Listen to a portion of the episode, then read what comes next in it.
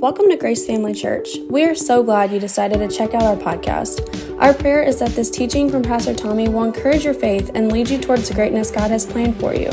Thanks again for listening. We hope you enjoy this message. I want to continue the series I've been teaching that really talks to us about what Jesus will do for us. We've titled the series, Jesus is Alive and He Will. And today I want to talk to you about the fact that He will forgive, restore, and remember your sins no more. Are you grateful for that? Amen. We're going to read Matthew chapter 28. This is sort of the story of Jesus uh, being the, the tomb being found empty, and we've read this every week. I've sort of used this as a takeoff for the series, so let's read it. It says, Now after the Sabbath, as the first day of the week began to dawn, Mary Magdalene and the other Mary came to see the tomb, and behold, there was a great earthquake. For an angel of the Lord descended from heaven and came and rolled back the stone from the door and sat on it. His countenance was like lightning, and his clothing was as white as snow. And the guards shook for fear of him and became like dead men. But the angel answered and said to the woman, Do not be afraid, for I know that you seek Jesus who was crucified. And I love these next, next few words. He is not here, for he is risen. Can I get an amen to that? For he is not here, he is risen, as he said, Come see the place where the Lord lay today. Let's pray before we get started. Father, we come to you right now in the name of Jesus, and we just thank you so much for your goodness, your mercy, uh, your, just everything that you are. And we thank you for Jesus and everything that he, he is. And Father, please, as we continue throughout this service and even through everything that we do, let Him be the center of it all. So I just pray as we move through this that we'll draw closer to Jesus. As, we, as I speak your word, you'll anoint my lips to say things that will cause us to be able to say, I'm better. I know Jesus more. I've gotten to know him better because I came to church today. I thank you for that in Jesus' name. Amen. You know, um, I, have said, maybe bumping a little bit. Um, I've said, you know, throughout this series that, you know, at Easter, for me at least, um, you know, at Easter time, it seems to me that there's a lot of focus on the cross and what Jesus did on the cross, and rightfully so. There should be, right? I, I would never want anyone to think that uh, I'm saying otherwise. But, you know, as you look at everything that surrounds Easter and you look at, like, you know, the movies like The Passion, right?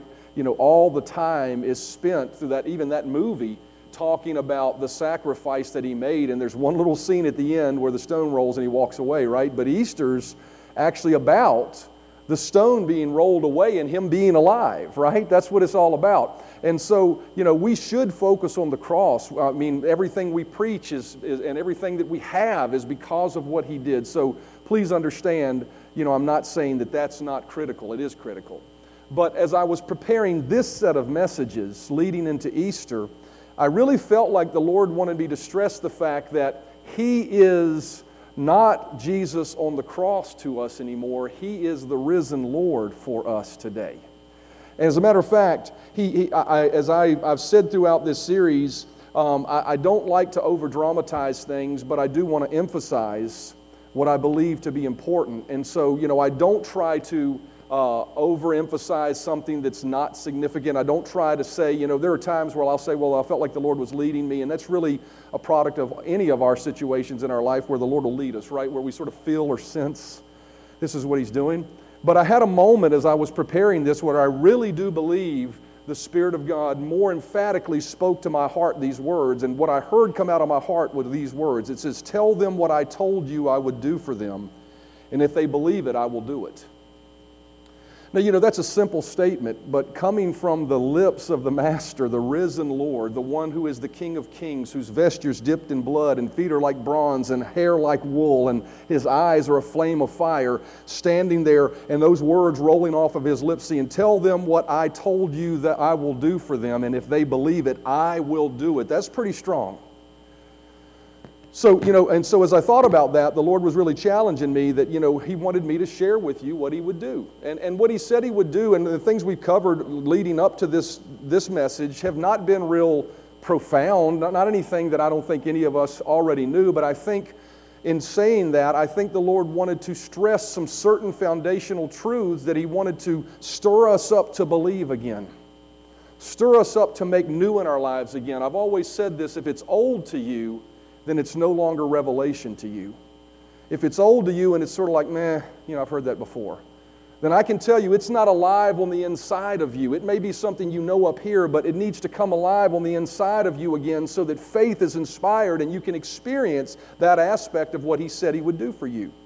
And so we've talked about a couple of things. You know, we said the first uh, lesson of this series, we said He will meet you as you serve Him and accomplish what you put your hand to. And we qualified that by saying that, you know, He'll make Himself real to you on the road of your service to Him. As you serve Him, He won't expect you to continue serving a God that is some, you know, distant theory or belief system, but He Himself, the risen Lord, will make Himself real to you. And as you serve Him and are obedient to Him, He'll deliver the results that are expected from your obedience. You won't have to do it yourself. Second thing we said was this is he'll find you when you're discouraged and encourage you with his word. I'm so grateful for this truth. You know, it seems that to me that could be sort of a meh statement. But when you're discouraged, how many of you need realize you're down in the dumps? You want to be encouraged. You need somebody to pick you up. And, and, and what we pointed out last week is He will not leave you in a discouraged spot. As a matter of fact, He doesn't expect you necessarily just to try to scramble to find Him in that discouraged spot. He will seek you out and find you when you're discouraged. And He'll bring encouragement to you, but the way He does it is through His Word. He'll bring you sometimes corrective thoughts, sometimes encouraging thoughts, but there'll always be thoughts that show you a bright and hopeful future so that you are no longer discouraged. Aren't you grateful that our futures are bright because of Jesus? Amen. Today I want to talk to you about this simple truth. I believe the Lord wanted me to tell you this. Tell them I will forgive them, restore them, and I will remember their sins no more. I will forgive them and restore them and remember their sins no more. You know, we see Jesus doing this for Peter after his resurrection. One of the last times he appeared to the disciples before he ascended, we see him appearing to G- uh, Peter in John chapter 21. And once again, I'm going to read. Do I need to change mics?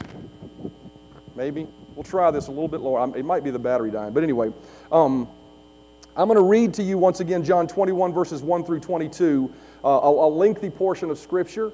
Don't glaze over because there's a whole lot in this uh, that, that sort of supports that thing. I'm going to go, I'm to go ahead and switch mics.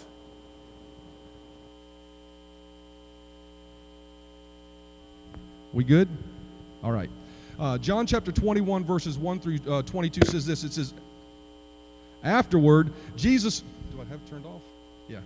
Afterward, Jesus appeared again to the disciples by the Sea of Galilee. It happened this way Simon Peter, Thomas, also known as Didymus, Nathanael from Cana of Galilee, the sons of Zebedee, and two other disciples were together. Verse 3 says, Peter said these words, I'm going out to fish. How many of you realize Peter was a good old country boy? I'm going out to fish, Simon Peter told them, and they said, Well, we'll go with you. Giddy up. Let's go do it, right? So they went out and got into the boat, but the night but that night they caught nothing.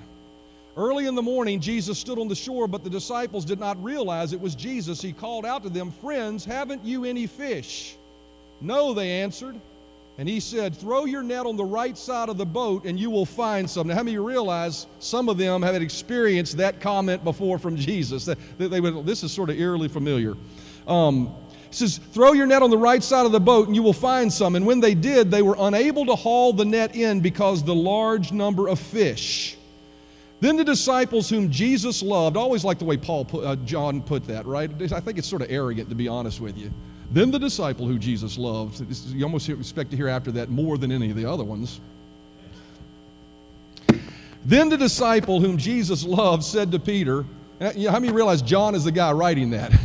That's just pretty funny.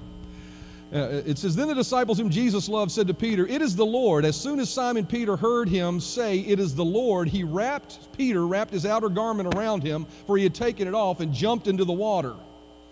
The other disciples followed in the boat, towing the net full of fish, for they were not far from shore, about a hundred yards. When they landed, they saw a fire of burning coals that the fish and the fish were on it, and some bread. And Jesus said to them, Bring some of the fish you've just caught. So Simon Peter climbed back into the boat and dragged the net ashore. It was full of large fish, 153 to be exact. I don't know why that's in there. Matter of fact, I spent an hour trying to figure out why 153 was mentioned. Couldn't figure it out, so it's just 153 fish, in my opinion.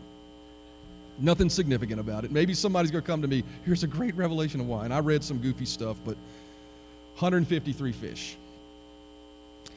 But even with so many, the net was not torn. Jesus said to them, Come and have breakfast. None of all the disciples dared, and come and have breakfast. None of the disciples dared ask him, Who are you? They knew it was the Lord. That's sort of interesting to me. They had seen him twice before, but this time they didn't recognize him. There's probably a message in that one as well, but it's just sort of interesting to me. He appeared to them, and yet they still had not recognized him fully. Now, this was the third time Jesus had appeared to them, verse 14, after he was raised from the dead. Verse 15, and when they had finished eating, Jesus said to Simon Peter, Simon, son of John, do you love me more than these? Yes, Lord, he said, you know that I love you. Jesus said, Feed my lambs. Again, Jesus said, Simon, son of John, do you love me? And he answered, Yes, Lord, you know that I love you. And Jesus said, Take care of my sheep. The third time, he said to him, Simon, son of John, do you love me? Peter was hurt because Jesus asked him the third time, Do you love me? And he said, Lord, you know all things. You know that I love you. And Jesus said, Feed my sheep. Very truly, I tell you, when you were younger, you dressed yourself and went where you wanted, but when you were old, you will stretch out your hands, and someone else will dress you and lead you to where you, want to, where you do not want to go. And Jesus said this to indicate the kind of death by which Peter would glorify God. Then he said to him, Follow me. Peter turned and saw that the disciple whom Jesus loved, there it is again, was following them. This was the one who had leaned back against Jesus at supper and had said, Lord, who is going to betray you? When Peter saw him, he asked, Lord, what about him? And Jesus answered, If I want him to remain alive until I return, what is, it that to, what is that to you? You must follow me. Now, here we have a beautiful story, I believe, as I really dug into this, a beautiful account of Jesus bringing Peter to a place of restoration in his life. You know, Peter, uh, if you think about it for a minute, uh, he had just a few days prior denied Jesus three times. The very Jesus that he told at the, the Last Supper, I will not betray you, I will never leave you, I will never forsake you. And, and we see Jesus dealing with Peter in these verses with really, it seems like no recollection, no reference or reprisal of Peter's denial. He just said, Peter, I'm here and it's time for you to do what I've called you to do. And I, and I believe that the reason for that is the very reason that, and the very truth that Jesus wants to bring across to us today, and that is this that when we mess up, when we sin, Jesus forgives, Jesus restores, and he remembers our sins no more. And we see that, you know, that this whole process with Peter started from a very repentant and sorrowful heart. How many remember the story uh, uh, before Jesus was crucified when Peter, you know, God, uh, Jesus told Peter, You're going to deny me three times before the cock crows, right? And then we have the account of that actually taking place. Twice Jesus, Peter denies Jesus as he's sitting in the courtyard and Jesus is being ridiculed and beaten and, and all of those things. You know, someone turns to him and says, No, you, hey, you were with him. You, you're one of those people, right? You're one of those disciples. And twice Peter says, I know not the man. And then in verse Luke of Luke 22, verse 59, we see the third denial. Says, About an hour later, another asserted, Certainly this fellow was with him, for he is a Galilean. And Peter replied, Man, I don't know what you're talking about. And just as he was speaking, the rooster crowed. Now, this next verse is chilling to me. The Lord turned and looked straight at Peter. wow I wonder what was in his eyes. Honestly, knowing what I know about Jesus, it was probably not anger. It was probably great compassion. Then Peter remembered the word of the Lord that had spoken to him before the rooster crows today, You will disown me three times. And verse 62, I think, is so important and so critical for us to understand why Jesus uh, at the Sea of Galilee was dealing with Peter the way he was dealing with him. It says, And Peter went outside and wept bitterly. We see in verse 62, I believe, the repentance of Peter immediately. You know, it's so important for us when we sin to quickly repent, to quickly allow the sorrow of God to rise up in us and bring us to our knees and repentance. It says that Peter went outside and he wept bitterly. He didn't just weep, he wept bitterly. Surely during this time of weeping, there was a moment before God where he says, Lord, I, I, I am so sorry. And the good news for Peter that moment is the same good news we have today is that Jesus will forgive us when we repent. He will forgive us when we sin. This is the way it's always been. In Psalm 32 and verse 5, 5 we see, I acknowledge my sin to you. In my iniquity I have not hidden. I said, I will confess my transgressions to the Lord, and you forgave the iniquity of my sin. How many of you are grateful for that verse? Man, I got to tell you, if there's no common theme, there is a common theme of the forgiveness of sin that all of us collectively should be able to relate to. I mean, why? Because we've all sinned, right? And it says, As I confess my sin, you forgave the iniquity of my sin. I think it's really interesting the way that's phrased because what it says is not only do you forgive my sin, but you forgive the iniquity of my sin. You know, a lot of times we interchange the word iniquity and sin thinking they mean the same thing. Iniquity doesn't mean the same thing as sin. Sin is when we transgress God's law. It's when we deny our loyalty to Him. It's the very thing that Peter did when he said, I don't know Him. He betrayed his relationship. That's sin. But what is the iniquity of sin? I looked up the word iniquity, and actually, the literal Aramaic of that is the heavy punishment of guilt that is a result of sin. How many of you have ever sinned and the minute you do it, you feel guilty for it and you carry that guilt around like a bag of rocks that you just can't seem to get rid of? Can I get an amen or no me? And what this verse teaches us and what this verse lets us know is that not only does God forgive our sin, but He releases us if we'll release ourselves from the guilt of what we did. But laying down our guilt can be a difficult thing for us to do. Why? I'll tell you why, because we're so task oriented. For some reason, we're all designed towards trying to achieve, trying to measure up, trying to live up to something, trying to make something happen. And be, when we fall short of that mark, we see our own inadequacy and we feel guilty, we feel diminished, we feel less because of it.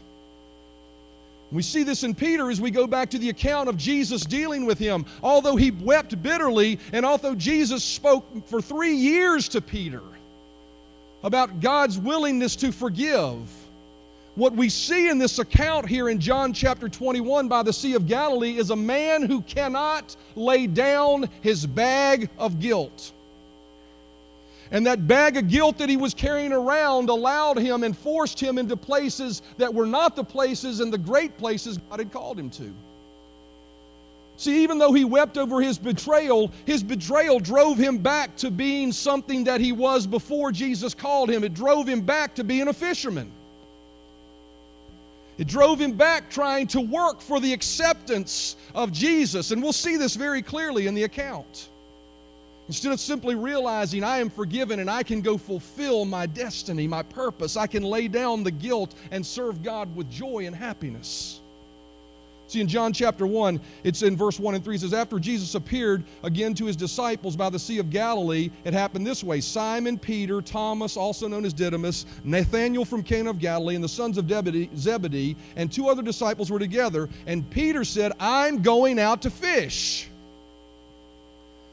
I can tell you, as I joked before, that wasn't just a good old boy say, let's go fishing.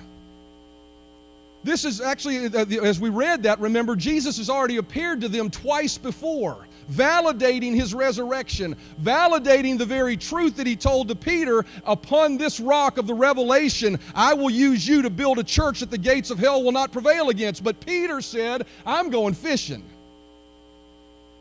Peter had decided that I have failed, and I can tell you as we work through this, we'll see the reason he was going fishing is because he didn't feel like he was worthy to be used by God anymore because he had failed, because he had denied Jesus. You imagine that Jesus rising from the dead, appearing to you two more times. What an in your face moment for Peter. Not that Jesus intended it to be that way, but here he is, the one he denied, now standing before him. Do you not think there were moments where he looked back at his sin and said, Man, I wish I hadn't denied him? How many of us have carried that bag of guilt?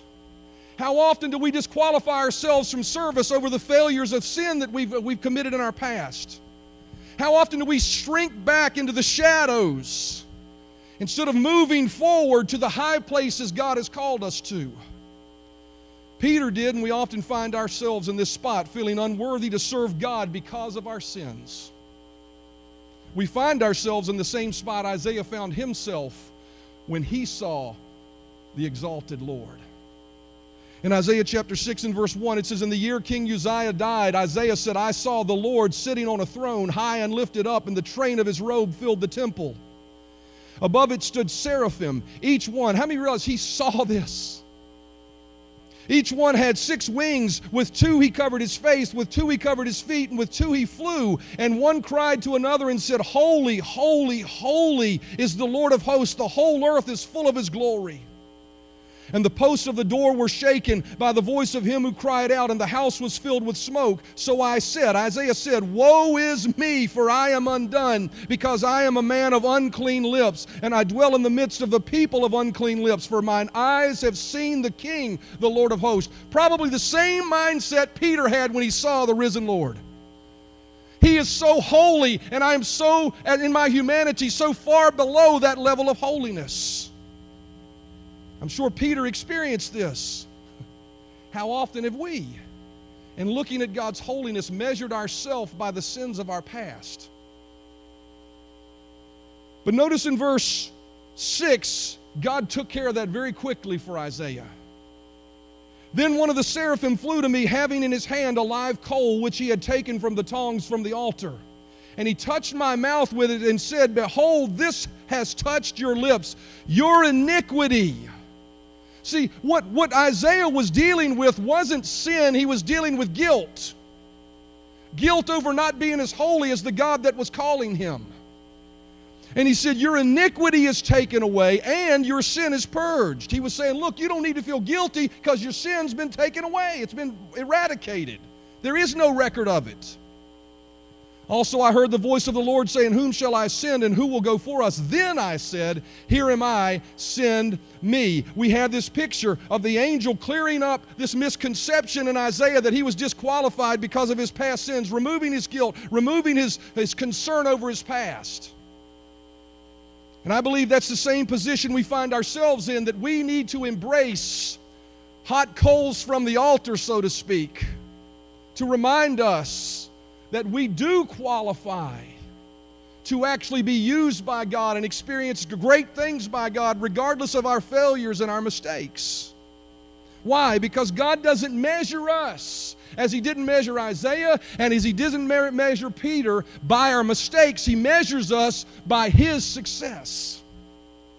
2 Corinthians 5:21 says for he made him who knew no sin to be sin for us that we might become the righteousness of God in in him. It says in it. I don't know why I got it, but we might become the righteousness of God. The reality is that we that that that when Jesus died on the cross and shed his blood for us, he gave us his robes of righteousness. We must choose to see ourselves as righteous and robed in that righteousness as opposed to seeing ourselves robed in filthy rags. You know, for so long, religion has taught us that we are sinners saved by grace. I want to tell you something. You are not a sinner if you've accepted Jesus Christ. You may sin, you may make mistakes, but you are not by identity a sinner. You are robed in the very righteousness of God. You're a child of God. You're a new creation. And yet, we often, when we come into the presence of God, even, even maybe as we were worshiping here, we see His holiness and we see our imperfection. But what God wants us to do is lay down the guilt of seeing that imperfection. We should come into His presence rejoicing because that is no longer held to our account. We are righteous. I don't care if you kicked the dog, smacked your wife, and yelled at her on the way to church today. If you confess your sin, He is faithful to forgive you. Now, your wife may be a different story. You're going to have to work on that one. Amen. But you're forgiven. Jesus, actually, we're going to see help Peter out of his guilt ridden state so that he could attain to the great things that God had for him. In John chapter 21 and verse 10, Jesus said to them, Bring some of the fish you have just caught. So Simon Peter climbed back into the boat and dragged the net ashore. It was full of 153 fish, but even with so many, the net was not torn. And Jesus said to them, Come and have breakfast. You know, we could glaze by that, but as I was looking at that, I thought about Peter. Had denied Jesus three times. Surely he was still feeling guilty by his own behavior because he wasn't on fire about going to fulfill the Great Commission. He was still fishing. I'm sure there was a lot of guilt. You know, Jesus standing there, this one he had committed his life to, and he's saying, Come have breakfast with me, come bring me the fish. And and these fish that the Bible says that, that all the disciples couldn't pull into the boat. Peter run back and immediately gets in the boat and starts pulling this heavy thing of fish. I, can you see that? I don't know about you, but I, sometimes I can see deeper than the story. And I, I really believe that, that Peter, in his grief and sorrow, was like, I've got to figure out a way to prove myself to him that I love him. So he's dragging 153 fish that everybody couldn't even pull in the boat, but he's dragging it himself, saying, Jesus, please see, I do love you. I am so sorry I made that mistake, but I don't see that I'm worthy. We see him doing this, and we see the compassion of Jesus saying, Hey, Peter, just come have breakfast with me. Just come sit with me for a moment. and what we're going to find in the next few moments is that what Jesus does is a beautiful thing for Peter. He allows Peter to walk through a process that Peter required to be restored and to be able to excitedly go out and stand on the day of Pentecost and declare the gospel of the Lord Jesus Christ and see the foundation of that church be established that Jesus said the gates of hell would not prevail against. First of all, he allows Peter to verbally validate his love for him three times, the exact number of times he denied him. In John chapter 21, verse 12 through 17 says, Jesus said to them, Come and have breakfast. And when they had finished eating, Jesus said to Simon Peter, Simon, son of John, do you love me more than these? Yes, Lord. He said, You know that I love you. Jesus said, Feed my lambs. One time. 16. And Jesus answered, Simon, son of John, do you love me? And he answered, Yes, Lord, you know that I love you. Jesus said, Take care of my sheep.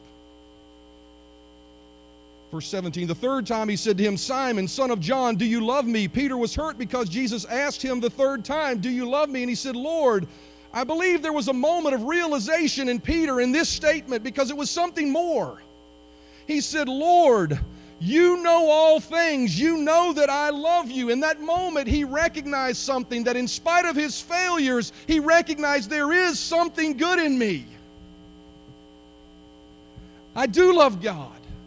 And Jesus said, Feed my lambs. Jesus allowed the man who denied him thrice to affirm his love three times in rebuttal to those denials.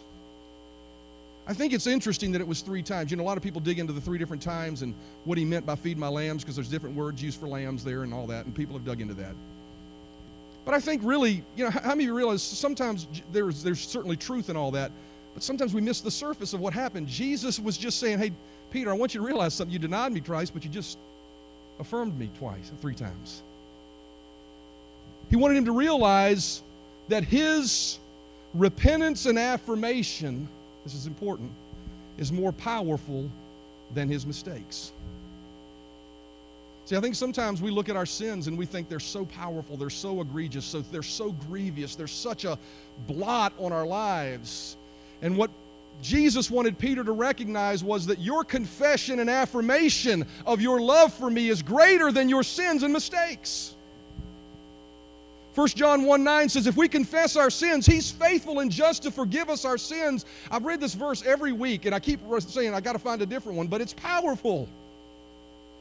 If we confess our sins, He's faithful and just to forgive our sins and to cleanse us from all unrighteousness. There are no treadmills of repentance, no fish we need to pull in, no 153 piled up nets we need to do to prove our love for Him. There's no guilt of shame that we need to carry around based on that verse. It's just a simple de- declaration of our renewed commitment to Him. And what he was saying to Peter is that's all that's required, Peter. You don't need to pay a price anymore. You don't need to carry that bag of guilt. Just affirm that you love me and let's move forward, man. Lay it down. Jesus also reminds Peter in this interaction with him that he doesn't need to compare himself to others as a qualification for whether he could lay down his guilt or not. In verse 19, it says, Then Jesus said to Peter, Follow me. And Peter turned and saw the disciples whom Jesus loved following them. Do you not believe, turning and seeing John, who did not deny him, who was laying on Jesus' breast, had an, had an impact on him? Well, man, that, that guy, he's further along than I am. This is the one who leaned back against Jesus at supper and said, Lord, who's going to betray you? He remembered this one laying here saying, Who's going to betray you? And he didn't, but I did. And Jesus answered and said to Peter, If I want him to remain alive until I return, what is that to you? You must follow me. We see Jesus basically telling uh, Peter, Look, his business and my business is our business. My business and your business is our business. Don't go comparing yourself to, to John because he's not the measurement for whether you qualify to serve me and to lay down your guilt. How many realize we can look around our lives and we can see others from the outside looking in and think, man, they're much holier than I am. Man, I'm just a piece of junk. How many realize do that? Here's the cold hard truth. None of us have arrived yet, and we don't see the skeletons in anyone else's closet that we see in ours. and although the, the issues may be different for each one of us, we all have our issues. We all have our bugaboos. We all have our things we're dealing with, and we don't see those in others. At the end of the day, by our natural standard, we're all screw ups. We ought to get t shirts that say that. At Grace, we're all screw ups, but Jesus still loves us. Amen. How many of you realize we are each clothed in His righteousness because we need it? I'm going to let that one just settle for a minute. The reason He put his righteousness on you is because you needed it, and the person sitting next to you needed it just as bad as you did. So, for me to look at someone else and say, I can't forgive myself because I ain't perfect like them, that is not the standard by which we measure ourselves. We measure ourselves by one standard, and that is the sacrifice of the shed blood of Jesus Christ. Hebrews 10 10 says, We have been, Hey, everybody say have been. How many realize that's past tense? Already happened. We have been made holy through the sacrifice of the body of Jesus Christ once and for all. You realize sitting here right now, when God looks at you, He sees you as holy. When you walk into His presence and you sing, Holy, holy, holy is the Lord of hosts, He doesn't see an unrighteous person singing holy, He sees a holy person singing holy. And if God can forgive us of our sins, if God can look at us as holy, then who are we to hold ourselves to a higher standard than He does? For many of us, we look back across the course of our life. I think about people in testimony services, and many people during testimony services spend all the time in their testimony service talking about what a bad sinner they were. How many of you realize in the ears of God, He's probably looking at that saying, Do what? Why? Because he doesn't remember our sins. See, Jesus restores Peter to his calling as if he had never denied him. Three times he tells Peter, Feed my sheep. He never says, Peter, you know, I understand you did. He didn't even bring up Peter's past denial. He just three times he says, Peter, here's what's in front of you. Let's move forward, dude. Let's go. Quit beating yourself up. Three times, John 21, 15 through 70. Jesus said, Feed my lambs. Verse 16, again, Jesus said, Take care of my sheep. Verse 17, the third time he said to him, Feed my sheep. You think he was trying to make a point to Peter? It's time, Peter, to lay down your bag of guilt. And it's time to move forward. First of all, he does that because when Jesus calls you to something, he never takes it back, he never withdraws it. Romans chapter 11, verse 29 says, And when God chooses someone and graciously imparts gifts to him, they are never rescinded never rescinded. That tells me that when Jesus offers you a gift or if he calls you to something, no matter what you do, it cannot eliminate the fact that that's still your place of calling, the place he desires to take you to. that tells me that whatever gift He's given you, not just callings and places in life, but whatever gift it is, how many of you realize healing is a gift? If He's promised you that by His stripes you were healed, then you need to understand something. No sin you've committed can eliminate the potential of that being a reality in your life. See, some people, well, I just deserve what I'm getting. I made mistakes. I did things I shouldn't have done. So what? We've all done things we shouldn't have done. But Jesus is a forgiver, and his promises he doesn't take back. Jesus also reminded Peter to let go of his past because he didn't remember his past. I want to read to you a bunch of verses here just real quickly before we close. Matter of fact, musicians, you can go ahead and make your way to the front. But as you're coming, listen to these verses. Listen to all the times God doesn't tell us He just forgives us, He tells us He forgets the sin. Hebrews chapter 8 and verse 12 says, For I will be merciful toward their iniquities, and I will remember their sins no more. Isaiah 43 and verse 25, I, even I, am he who blots out your transgressions for my own sake, and I will not remember your sins. Hebrews 10 17. Then he adds, I will remember their sins and their lawless deeds no more. Psalm 103, verse 12 As far as the east is from the west, so far does he remove our transgressions from us. Acts 3:19 Repent therefore and turn again that your sins may be blotted out. Micah 7:18, you will cast all our sins into the depths of the sea. Isaiah 38:17, for you have cast all my sins behind your back. Jeremiah 31 and verse 34, for I will forgive their iniquity and I will remember their sins no more. When you come to God with a sense of guilt over your past sins that you've already confessed and repented, listen to me. He looks at you through eyes of love and says, "What in the world are you talking about?" I don't remember what you're talking about. I've blotted it out. The great thing about God is He's got a great capacity to forget. Sometimes we as human beings struggle with that. But if God doesn't remember your sins anymore, then you shouldn't either. This morning, I'm challenging you to embrace the words of Jesus that said, I will forgive, I will restore, and I will remember your sin no more. I'm encouraging you to leave this morning laying down the remembrance, the recollection, and the bag of guilt over your sins. Don't carry them forward anymore. Don't bring them up anymore. When they come up in your mind anymore, lay them down with the reminder that that's not the way God sees me. I choose to embrace that I am righteous and holy in His sight. Jesus forgave, forgot, and restored Peter. We see that full restoration on the day of Pentecost. And the reason Jesus can do all of these things is because He is alive. He's alive. Jesus told me to tell you, He will forgive, restore, and remember your sins no more. A real and living Jesus, when you stand before Him and you've repented of your sin, He no longer sees you as guilty, so you should neither lay down the heaviness of your iniquity and lay down the remembrance of your sin. Amen. But the angel answered and said to the women at the tomb, Do not be afraid, for I know that you seek Jesus who was crucified. He is not here, he is risen. We serve a risen, forgiving Lord. Amen. Thanks for listening to our Grace Family Church podcast. We really hope you enjoyed this message. If this ministry has blessed you in any way, we would love for you to get connected. Just go to gfcva.info to learn more about who we are how to give to this ministry, or how you can get involved. Thanks again for listening, and we hope to see you soon.